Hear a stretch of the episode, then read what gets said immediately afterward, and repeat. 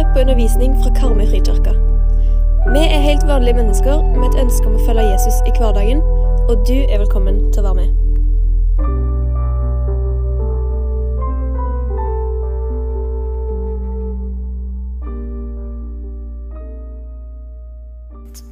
Noen ganger så er det vanskelig å stå og synge. Ikke fordi jeg ikke kan sangen, men fordi at klumpen i halsen blir så stor.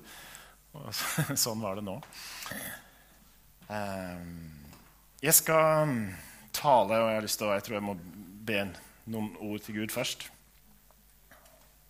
Takk, Herre. Takk for at du er midt iblant oss, og du taler. Takk for det du allerede har sagt til hjertene våre. Takk, Herre, for um, det fantastiske Avana-teamet. Takk for at de er med og forvalter den skatten som vi har i alle barn og unge som er en del av, av kirka vår her. Må du velsigne de der de er akkurat nå. Og så ber jeg, far, om at du um, taler til hjertene og hodene, tankene våre, og at jeg ikke skal stå i veien for det du vil si, Herre. Kom med din fred. Amen. Eh, hvis du syns det er litt plagsomt at noen sitter og prater mens jeg snakker, eller Vidar snakker, så er det altså fordi at det er noen som da prøver å tolke til eh, engelsk det som ble sagt herfra, da, hvis ikke du allerede har skjønt det. Eh, det handler om å være midt i verden og eh, være fremmed i sin egen kultur. Vi begynner på det i dag, og så skal vi følge opp neste gang med Geirmund. Og så eh, er det tema også for Viken vår på Stemmesaden om ca. en måned. Så hvorfor skal vi snakke om det her? Hva er det som er utgangspunktet vårt? Det tenkte jeg ville begynne med å si noe om. Og vi tror at Gud er vår skaper. Han er evig. Han er alfa og omega. Det er de to bokstavene som dere ser der. Begynnelsen og slutten. Vi er hans barn. Vi er frelst av nåde ved Jesus Kristus, som døde for at alle de som tror på ham, ikke skal gå fortapt, men ha evig liv. Vi tror altså at det finnes en objektiv, en evig sannhet, som ikke endrer seg med tida. Dette er utgangspunktet vårt. Det er dette livet går ut ifra, troen går ut ifra. Og vi finnes som menighet fordi vi tror på dette, akkurat som alle de andre menighetene som eh, finnes. Uansett hvor trygt eller hvor kjent dette her kan oppleves, da, disse sannhetene, så er det mange som opplever at rommet for å leve frimodig i troen som en Jesu etterfølger, den blir trangere for hvert år som går. Avstanden mellom det Bibelen sier, og det som er det dominerende verdensbildet rundt oss, den avstanden den, den øker. Og så lever vi i et samfunn som sier at toleranse er en av våre viktigste verdier i samfunnet. Men så opplever jeg at den toleransen den strekker seg bare dit at så lenge du er innafor denne meningsspekteret, så er toleransen gjeldende. Men for alt det andre så er det tvert imot veldig intolerant. Og våre eh, som konservative kristne, hvis vi kan putte den merkelappen på oss, så passer ikke det inn i det som omfattes av toleranse. Og derfor dette temaet å være midt i verden som en fremmed i vår egen kultur. Og så er jo spørsmålet som vi stiller da med å ha denne serien, det er jo hvordan kan vi finne vår plass der som vi bor, uten at vi er nødt til å gå på kompromiss med det vi tror på. Er det sånn at utviklinga ja, går bare én vei? Det er på en måte, Vi må bare følge med, og så må vi endre oss i takt med tiden og bli som alle andre. For det går bare én vei. Er det sant? Eller finnes det en annen vei for dette her? Og Skal vi se etter en vei, jo, så er det sånn at vi tror at Bibelen den er vår eneste rettesnor, som vi sier.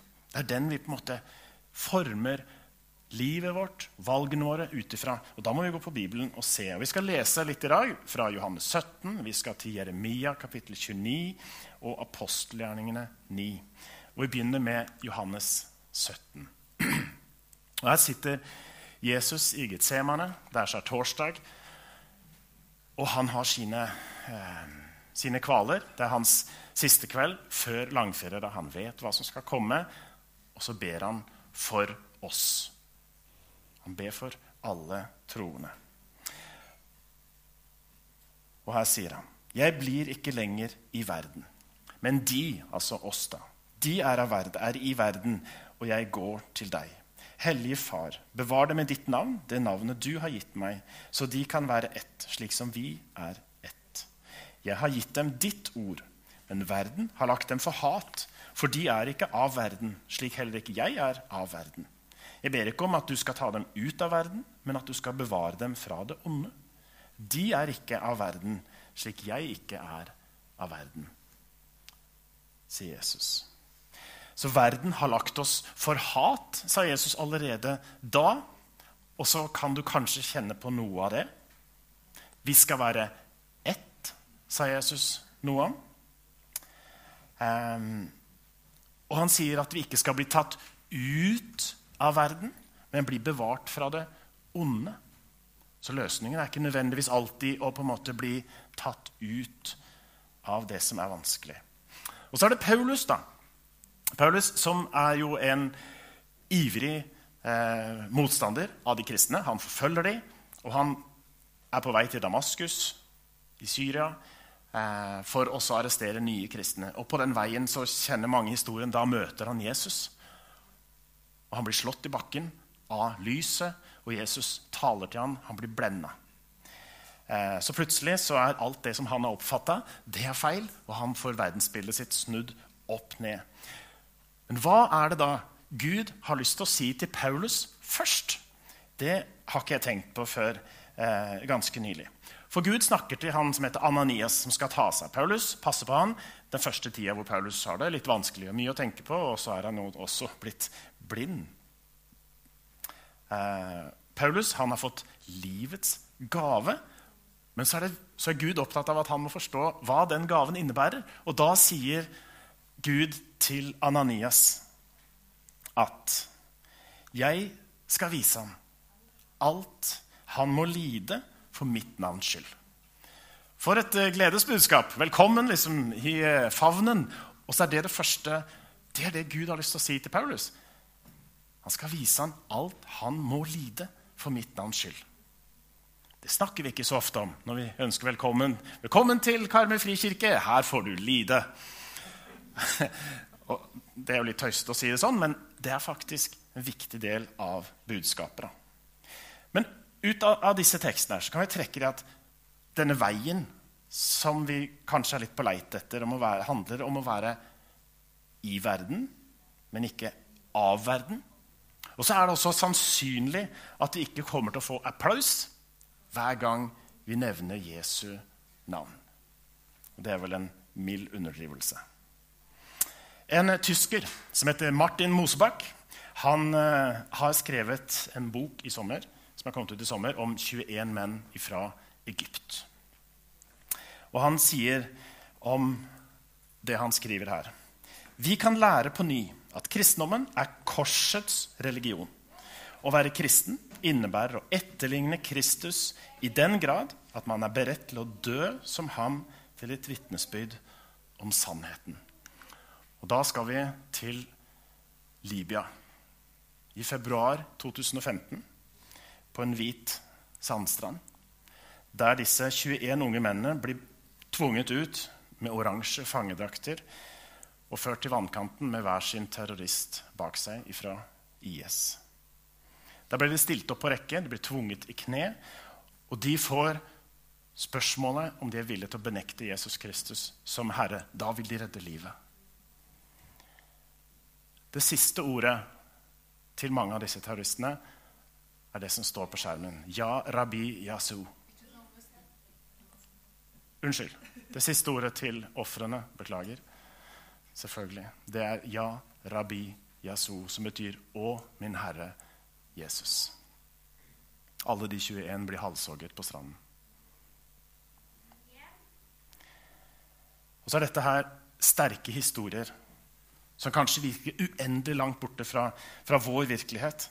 Men det er virkeligheten til veldig mange av våre troende søsken i verden i dag.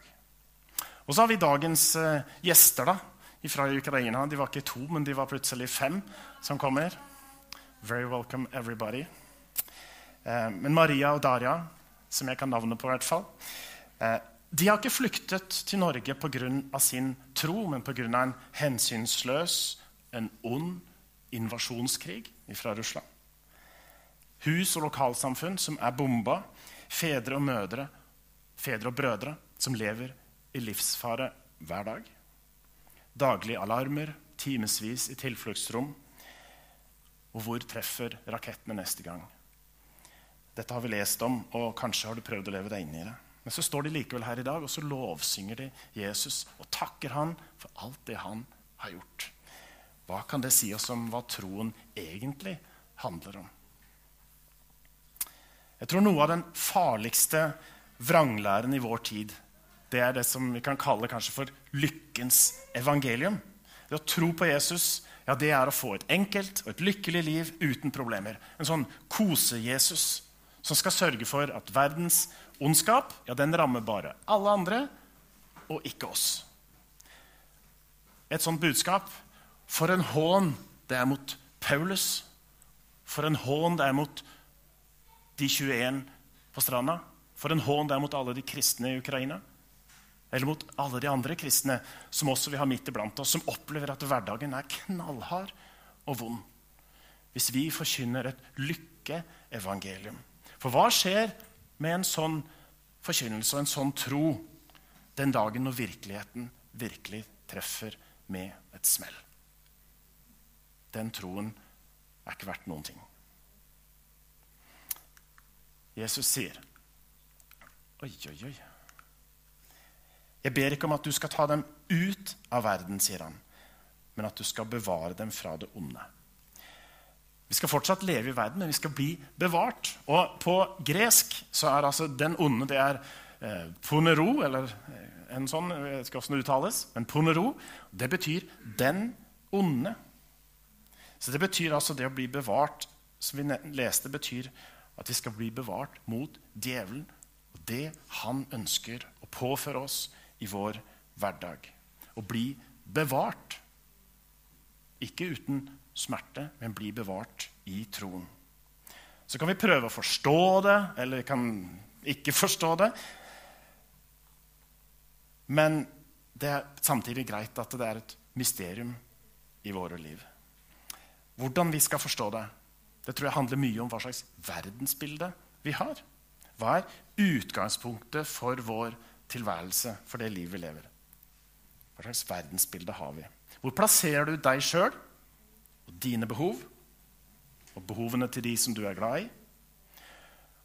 Kanskje når vi tenker på sånne ting som, som verdensbilde, så blir det kanskje litt sånn som hvis du går eh, på fjellet eller i naturen et eller annet sted, og så ser du plutselig på kartet at du er et helt annet sted enn der du trodde at du faktisk var. Det er en eh, svenske som heter Magnus Malm, som skriver masse bøker, forkynner, eh, som betyr masse for kristne i dag. Han forteller om to måter å se verden på i den siste boka si. Og begge de har store konsekvenser for hvordan er det vi opplever og ser på verden, på Bibelen og livet vi lever. Det første verdensbildet det tar utgangspunkt i at i begynnelsen så var materien Og han sier dette her. Ettersom det ikke fins noen tanke bak utviklingen, for alt er bare materie, så finnes det heller ingen mening med mitt liv på jorden. Følgelig er det opp til meg selv å skape mening og mine egne sannheter. Og ettersom det ikke finnes noen skaper som kunne stille krav til det skapte, så er det vår verden. Det er utgangspunktet i materien.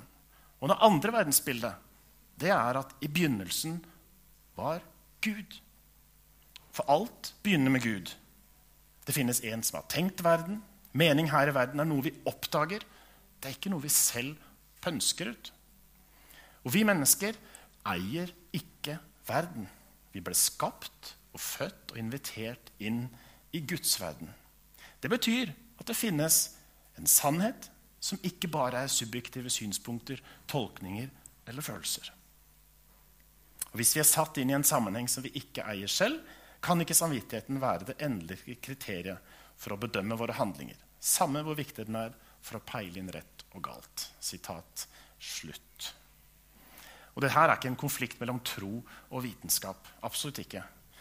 Men det handler om hva som er utgangspunktet. Gud er utgangspunktet. Han er ikke et tillegg. Sett at du blir invitert. Du har gjort kanskje noe fantastisk i livet ditt. Jeg tror mange av dere har det. Og så får du beskjed om å komme til kongen. Du har fått audiens hos kong Harald.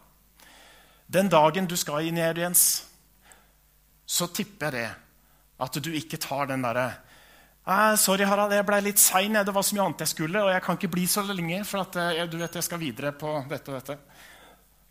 Nei, den dagen du skal i audiens hos kongen, så kommer dagen din til å være bygd rundt denne audiensen. Det utgangspunktet og alt det andre blir et tillegg.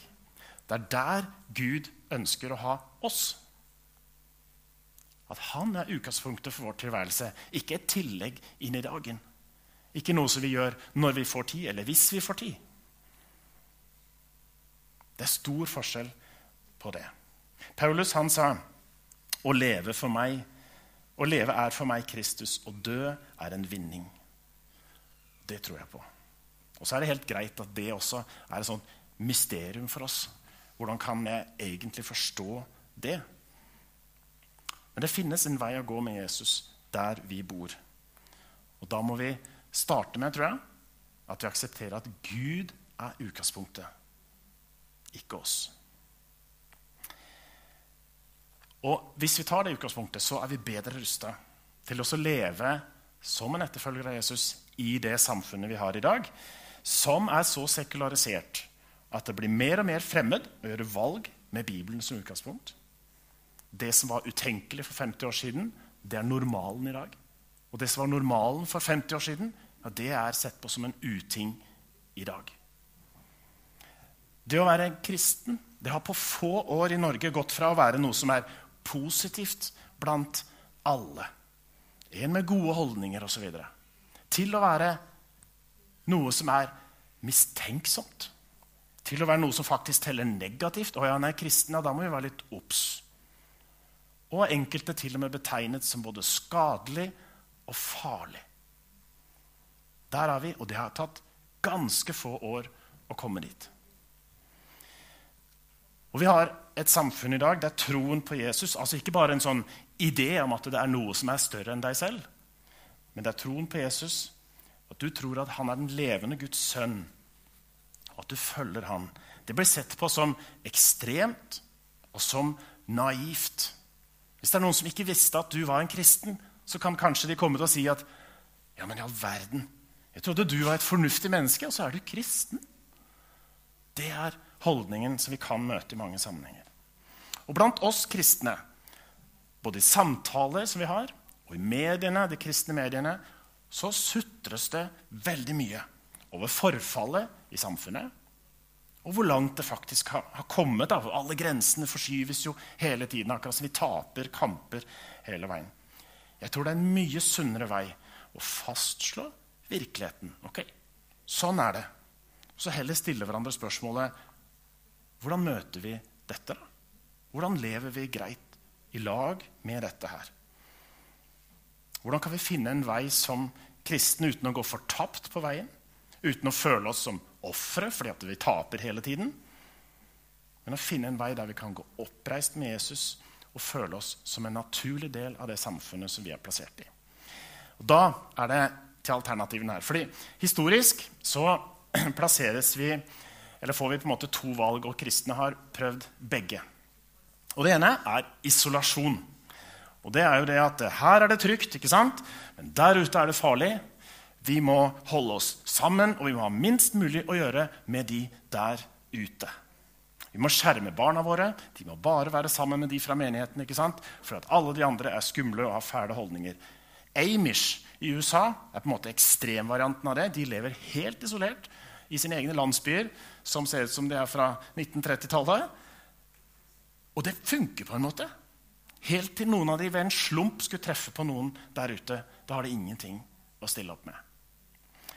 Ehm, det kan også være dette her med at du har barna dine i kristne barnehager, du har barna dine i kristne skoler, kristne videregående, så havner du på bibelskole. Og så møter de verden etter det. Og så går ikke det så bra, for de er ikke rusta for det. Og jo mer panisk det her har blitt, da, og det ikke funker, så har kristne veldig mye, og i stor grad i dag, havna på det andre alternativet, som vi kaller for synkretisme. Og Synkretisme er å sammenblande. Blande sammen ting fra andre religioner, men også fra andre filosofier og tankegang. Sette sammen sin egen løsning og lage på en måte sin egen tro. Hente det beste fra kristendommen, ta litt fra hinduismen, eh, humanismen. Og lage en sånn samfunnsakseptert miks som passer, og som kanskje er sant for deg, som mange liker å si. Det er sant for de følelsene du har, og for de som du er glad i. Dette passer for oss. Og sagt med litt andre ord så betyr det å, å blende inn. da. Akseptere og ta inn alt som er rundt. Det som er eh, helt sikkert, er at du blir nødt til å kutte de skarpeste hjørnene i teologien vår. For det, det, passer jo ikke inn. Det, det blir altfor sterkt. Folk tar avstand ifra det. Ja, det gjør de. Men betyr det at de skal kutte det likevel? Det kan bli oppfatta som upopulært, og da blir det ikke snakka om. Eller så blir det forkasta. Og da kommer den liberale tankegangen inn. Det er at Hvis ikke du forandrer på teologien, ja, da kommer du til å miste medlemmer, og folk kommer ikke til å møte opp. Og det kan godt hende at det skjer, men Gud er likevel den samme. Så verken isolasjon eller synkretisme er veien å gå. For begge de veiene fører til et liv der Gud og virkelighet ikke passer sammen. Det stemmer ikke. Det går ikke opp. Vi blir ikke bevart fra den onde. Og vi kan heller ikke utføre oppdraget vårt og gjøre mennesker til disipler og lære dem det Jesus har lært oss. Men heldigvis så viser Bibelen vei. Ja, vent litt med den. Den tredje veien den går gjennom hele Bibelen, egentlig. Men vi ser den aller tydeligst i profeten Jeremias bok og i Daniels bok i Det gamle testamentet. For det handler om historien om et liv i eksil. Eksil er jo å leve i et annet samfunn, et fremmed samfunn, en fremmed kultur. Og Eksillivet det følger israelsfolket gjennom hele Bibelen. Og aller først, når Adam og Eva blir kasta ut av paradis, ikke sant? så er de i eksil. Mange generasjoner etter det. Og nå kommer en liten sånn der, kjapp sånn historisk eh, reise med israelsfolket. Eh, og er du bibelsprengt, så, du, så, henger du med. Og ikke, så henger du ikke med. Men jeg tenker det er viktig å ha det bildet med. da. Mange generasjoner seinere så eh, havner israelsfolket i eksil i Egypt denne gangen. Og Moses får i oppdrag å føre de ut, og han gjør det sammen etter hvert med Josva. Men folket, selv om de har kommet da til sitt lovede land, de klarer ikke å styre landet på en god måte. Eh, de vil ha en konge, og det får de. De får Saul og David og Salomo. Men det funker ikke. Og sønnen til Salomo, da han overtar, så deles riket først i to så funker det ene riket, Israels rike, det funker i ca. 200 år. Eller funker, det er vel så som så, men det går i hvert fall til grunne etter at kongene stort sett har gjort imot Gud. Og så kommer det en og annen konge innimellom som prøver å gjenopprette eh, relasjonen til Gud. Men til slutt så går det under for godt. Det andre riket, som heter Judariket, det når bunnpunktet med kong Manasseh, som åpner opp for å ofre barn. Da får Gud nok. Eh, rett utenfor eh, Jerusalem, kanskje på det samme stedet som Golgata ligger. Da når det bunnpunktet, og etter det så er veien staka ut. Og 587 så går Jerusalem under for godt. Og Inni dette her, i den siste perioden så blir profeten Jeremia født. og Han skal tale Guds ord til dette folket, som da er forkasta av Gud. Han profeterer Jerusalems undergang, og han sier at Gud sier nå skal vi dra til Babylon. Vi kommer til å bli bortført, men det er dit Gud sier at vi skal. Og disse selvoppnevnte profetene som bare vil si at nei, dette går bra, dette går bra, vi kommer til å jage det vekk, for Gud er med oss. Sånne lykkeprofeter de protesterer, kongene protesterer, og det går skikkelig dårlig. Jeremia står på det som Gud har sagt, og det er det han sier, som går i oppfyllelse. De havner i Babylon, og de som ikke dro til Babylon, de går faktisk fortapt. Hele flokken bare går ut i historien. Så de som finnes av israelsfolket etterpå, det er de som returnerer fra Babylon. Vi skal lese da hva det Jeremia sier. Eh, jeg får ikke den på skjermen. Eh, vi leser fra kapittel 29, Jeremia vers 4-14. Der sier Gud ved Jeremia hvordan de skal leve i eksil. Og det kan også si ganske mye til oss. Så sier Herren over herskarene, Israels Gud, til alle som jeg har ført i eksil fra Jerusalem til Babel. Bygg dere hus og bo i dem. Plant dere hager og spis frukten. Ta dere koner og få sønner og døtre. Ta kone til sønnene og gift bort døtrene deres, så de kan få sønner og døtre. Der skal dere bli flere og ikke færre. Dere skal fremme fred for den byen som jeg har ført til i eksil, og be til Herren for den. For når den har fred, har også dere fred.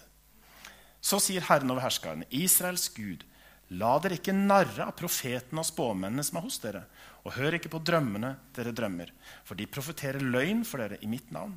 Jeg har ikke sendt dem, sier Herren. Så sier Herren, når 70 år er gått for Babel, skal jeg se til dere. Da skal jeg oppfylle mitt gode løfte for dere og føre dere tilbake til rette stedet. For jeg vet hvilke tanker jeg har med dere, sier Herren. Fredstanker og ikke ulykkestanker 'Jeg vil gi dere fremtid og håp'. Når dere kaller på meg og kommer for å be til meg, vil jeg høre på dere. Dere skal søke meg, og dere skal finne meg. Når dere søker meg av et helt hjerte, lar jeg dere finne meg, sier Herren. Så vil jeg vende skjebnen for dere og samle dere fra alle de folkeslag og steder som jeg har drevet dere bort til, sier Herren. Jeg skal føre dere tilbake til det stedet jeg førte dere bort fra i eksil. Sånn høres det ut i brevet som Jeremia overbringer til folket som er ført bort til Babylon. Og I det brevet her så ligger det en beskjed til Guds folk om hvordan de skulle leve med Gud, hvordan de skulle forholde seg til samfunnet som de kom til. Og Det var ikke isolasjon, det var ikke synkretisme. Det ligger en beskjed til oss om hvordan vi skal leve med Gud. Hvordan vi kan bli bevart fra den onde å leve med de menneskene som omgir oss, selv om vi kan oppleve at vi er fremmede i vår egen kultur. Og Det er da ikke verken gjennom isolasjon eller synkretisme. Bygg og plant, sier han. Stift familie, få mange barn. Og her ligger også et sånn skjult budskap om å ha sex med hverandre. Du kan jo tolke det inn. ikke sant? Få mange barn. ikke det fint, da? Så står det 'Fremme fred for byen', eller det stedet der dere bor. Be til Herren for dette stedet. Be til Herren for dette stedet der vi bor. Ikke tenk her er alt fælt. og her, De mener sånn, og de mener sånn, og Norge sier sånn. Nei, vi skal be for det, og vi skal fremme fred her hvor vi bor. La dere ikke narre av falske profeter i Efeserbrevet så advarer Paulus oss mot å la oss virre hit og dit av usunn lære. Mennesker som sier at nå er det det populært, nå må vi vende om oss og gjøre sånn og sånn. Vi skal ikke la oss narre. Og så er det tidsavgrense. Fordi at eh, Han sier 70 år, og den 70-åren er til israelsfolket. For oss så er det kanskje til den dagen Jesus kommer igjen. Og det kan hende det er lenge til, men det kommer en annen dag lenger framme. Og så er det disse løftene som Gud gir. Han sier at 'jeg har fredstanker, ikke ulykkestanker'. 'Jeg vil høre på dere når dere søker meg av et helt hjerte'. Det er det Gud kaller oss til. Søke Han av et helt hjerte. Og Daniel, profeten, han var en av disse ungdommene som ble ført til Babylon, og som velger denne veien. Han ender opp som en av de mektigste i Babylon, samtidig som han er en troende. Daniel Han eh, opplever å bli kasta i ovnen. Nei, det gjør han ikke, det er vennene hans som gjør, men det går bra med de òg. Men han blir kasta til løvene. Han overlever det. Han kritiserer kongen, flere av kongene rett fram og sier at det kommer til å gå dårlig med deg. Blant annet han der kongen som får skriften på veggen, ikke sant? så han blir veiet og funnet for lett. For Daniel tolker fra Gud. Og det går godt med han. Han går ikke på kompromiss med troen sin. Og Det første eksempelet på det er når han ikke vil spise den maten som han får, men han vil spise det som han tror er bra for han, og som Gud har sagt er bra. Eh, så Daniel går ikke på kompromiss. Men han kommer seg gjennom eksiltida på en fantastisk måte. Og da Jesus kommer, så sier Jesus jo, hva sier han? Elsk våre fiender. Elsk deres fiender, sier Jesus. Respekter myndighetene. Elsk alle mennesker. Så vi er kalt til å leve på en måte igjen den der spenningen ikke sant? mellom å fremme fred og kjærlighet i det samfunnet som vi bor i, og samtidig ikke gå på kompromiss med troen vår for at noen andre og litt flere skal like oss. For Gud er den samme. Han forandrer seg ikke om vi forandrer på vår lære. Hva var det Daniel gjorde for noe, da? Han ba til faste tider. Han ba tre ganger om dagen. Og blant annet derfor han ble kasta til løvene den gangen. For de la ned forbud mot å be til noe annet enn til kongen. Da satte Daniel en grense. Den grensa går jeg ikke over. Ingen skal fortelle meg det. Han ga det beste for det landet han var plassert i. Han ga alt han kunne. Han har masse gaver, og de brukte han til beste for Babylon. Og så var Gud utgangspunktet til Daniel for tilværelsen hans. Og da var det aldri noe alternativ å gå bort fra Guds vilje for Daniel. Han gikk ikke på kompromiss med troen sin, og han var villig, selv om han visste at eh, det kom til kanskje å føre til at han døde. Så var ikke det et tema at han skulle gå på kompromiss med troen sin. Så det er på en måte gjensvaret.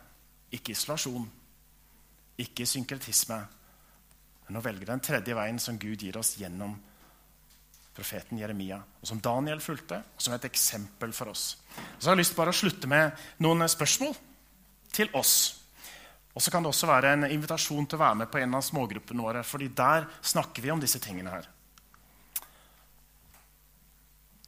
Du rekker ikke å tenke mye på alt dette her.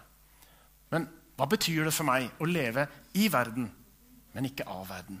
Hvor møter jeg det hen? På arbeidsplassen, blant venner, i familien? Hva betyr det å følge Jesus i mitt liv? Hvordan kan jeg være med Jesus? Hvordan kan jeg bli som Jesus og la meg forme av ham?